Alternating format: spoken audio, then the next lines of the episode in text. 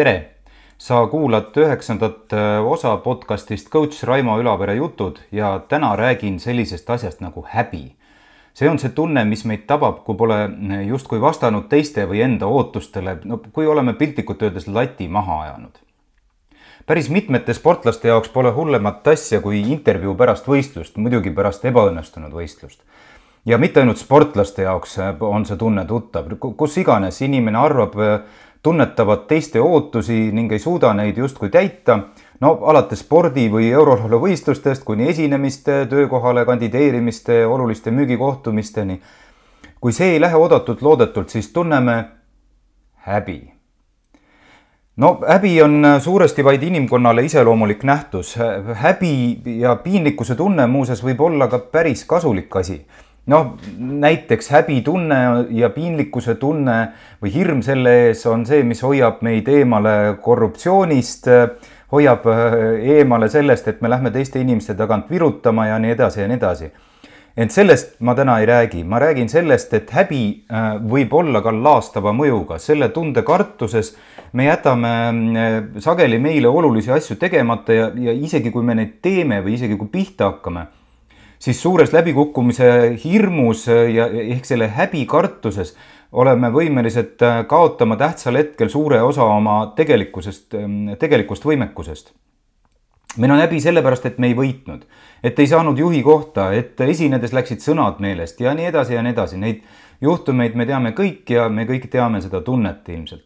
Ja kõik selle noh, selliste juhtumiste tagajärjeks on lihtne nähtus, me tunneme ennast vähem väärtuslikuna ja ometi, äh, rõhutan ometigi ja paradoksaalselt me oleme ise tegelikult andnud endast kõik, et saaksime seda häbi ja oma vähest väärtusetunnet tunda.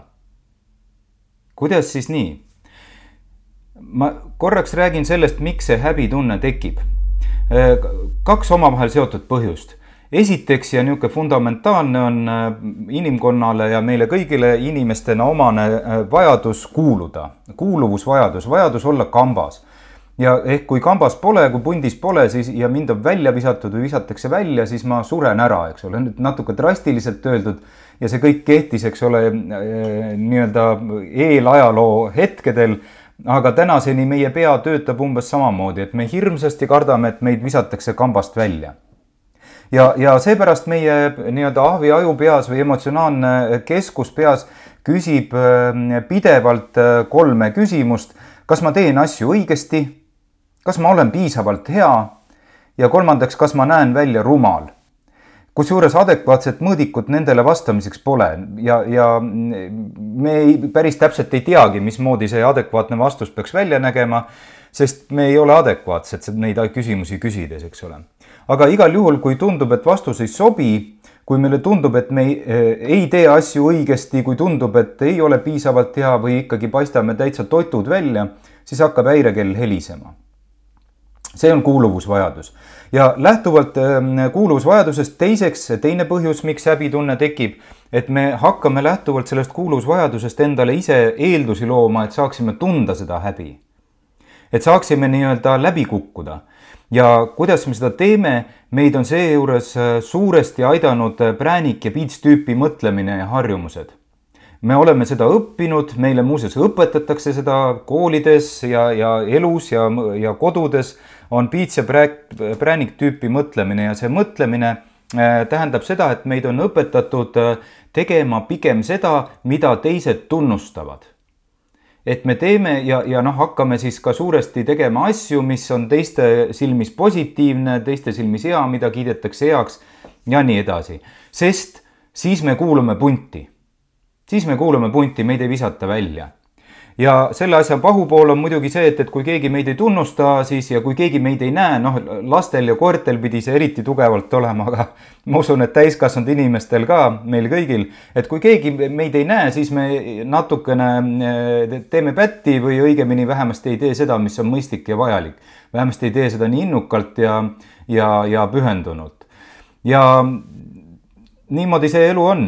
nii, ja, ja nüüd meil on siis tekkinud ootused et mis on teiste poolt pandud, eks ole, kui tunnustatakse seda, mis, mis teiste poolt heaks kiidetud ja me oleme harjunud seda tegema, siis, siis tekivad ootused ja me üritame pidevalt ära aimata, mis need ootused teiste poolt on. ehk siis teiste poolt pannakse ootused ja me ise võimendame neid. me ise võimendame neid enda jaoks ja muuseas, sageli on need ootused, mida me ainult arvame teistel meile olevat et eh, need ei pruugi olla noh, nii-öelda adekvaatsed, kui seda sõna saab siin üldse kasutada, need ei pruugi olla nii-öelda päris ootused. me ainult arvame, mida teised meilt ootavad. ja muidugi noh, nagu öeldud, oma perfektsionismi ihaluses eh, paneme ise mõnikord lati ikka veel kõrgemale ja kaugelt üle piiri, mida oleks ehk siis realistlik antud olukorras oodata ja nii on ootusest, sellest eh, nii-öelda mõistliku ambitsiooniga sihist saanud hoopis niisugune asi nagu lootus ja lootus on üks erakordselt ebakindel asi ja selle saavutamine eh, pole absoluutselt meie kätes, see ei ole kuskilt otsast meie kontrolli all. lootus on, nagu öeldakse, lollide lohutus, aga päriselus eh, on just lootus see, mis tekitab eh, seda läbikukkumist. ja, ja, ja selle tagajärjel siis seda häbitunnet.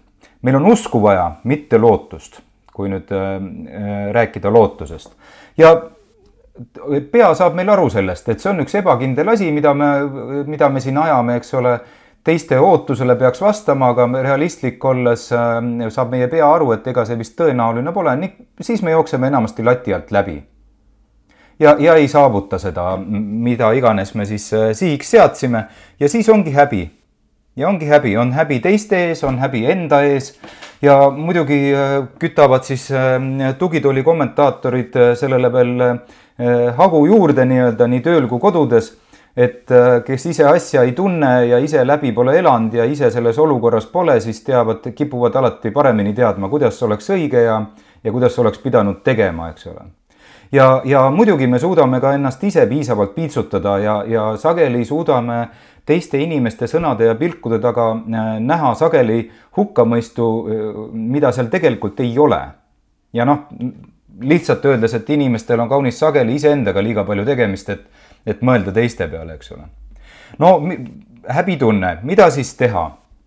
noh, lihtsalt öeldes ja see kõlab veidi banaalselt ja, ja, ja, ja tõesti nagu lihtsalt eh, lõpetada ära teiste ootuste järgi elamine, eks ole, no palun väga, et, et piisavalt abstraktne, et mitte olla vale, nagu parafraseerides siin äh, mõningaid ütlusi aga samas kõike seda ju teha on nii pagana raske et kuidas seda konkreetselt teha, noh, ma ei hakka siin väga pikalt sellel peatuma, eks need on ikkagi sama palju räägitud jutt, mida varasematest podcast ides ja, ja oma artiklites olen kirjutanud.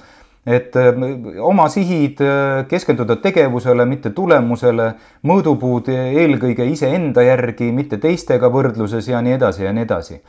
ent ja just nimelt keskenduda tegevusele, eks ole kuid üks asi siiski, äh, siiski siia lisaks, mõtteviisi ja hoiaku muutusele aitab ähm, kindlasti kaasa selle tegevuse mõtestamine. ja, ja siit tuleb minu äh, konkreetne raamatusoovitus. Kui vähegi saad ja inglise keelt valdad, äh, loe Alfred Adleri filosoofiast rääkivat raamatut Courage to be disliked ja selle raamatu põhitees on hästi lihtne ja mulle hirmsasti sümpatiseerib. kui sul pole elus kedagi, kellele sa ei meeldi, siis pole sa päriselt elu elanud. ehk siis ei saa, kui sa elad ainult teiste inimeste ootuste järgi, siis on väga tõenäoline, et, et mingil hetkel elule tagasi vaadates oled sa pettunud ja, ja kurb ja, ja on nii-öelda asjata elat, elatud elu ja, ja seesama Alfred Adler, kunagine Freudi ja Jungi kaasaegne muuseas ja, ja väga tunnustatud psühholoog ütleb, et eh, me ei ela siin selleks, et teiste ootusi täita ja, ja veel enam, me oleme tegelikult paremad naised, mehed, sõbrad, sportlased, juhid, professionaalid, kes iganes, kui me ei ela teiste ootuste järgi ning samas ei proovi ka panna ennast ja oma tulevikku sõltuvusse teistest ja teiste otsustest, teiste ootustest. siis on ka meil pettumusi vähem, muuseas ka teistel on pettumusi vähem ja selle tagajärjel ka häbi on vähem.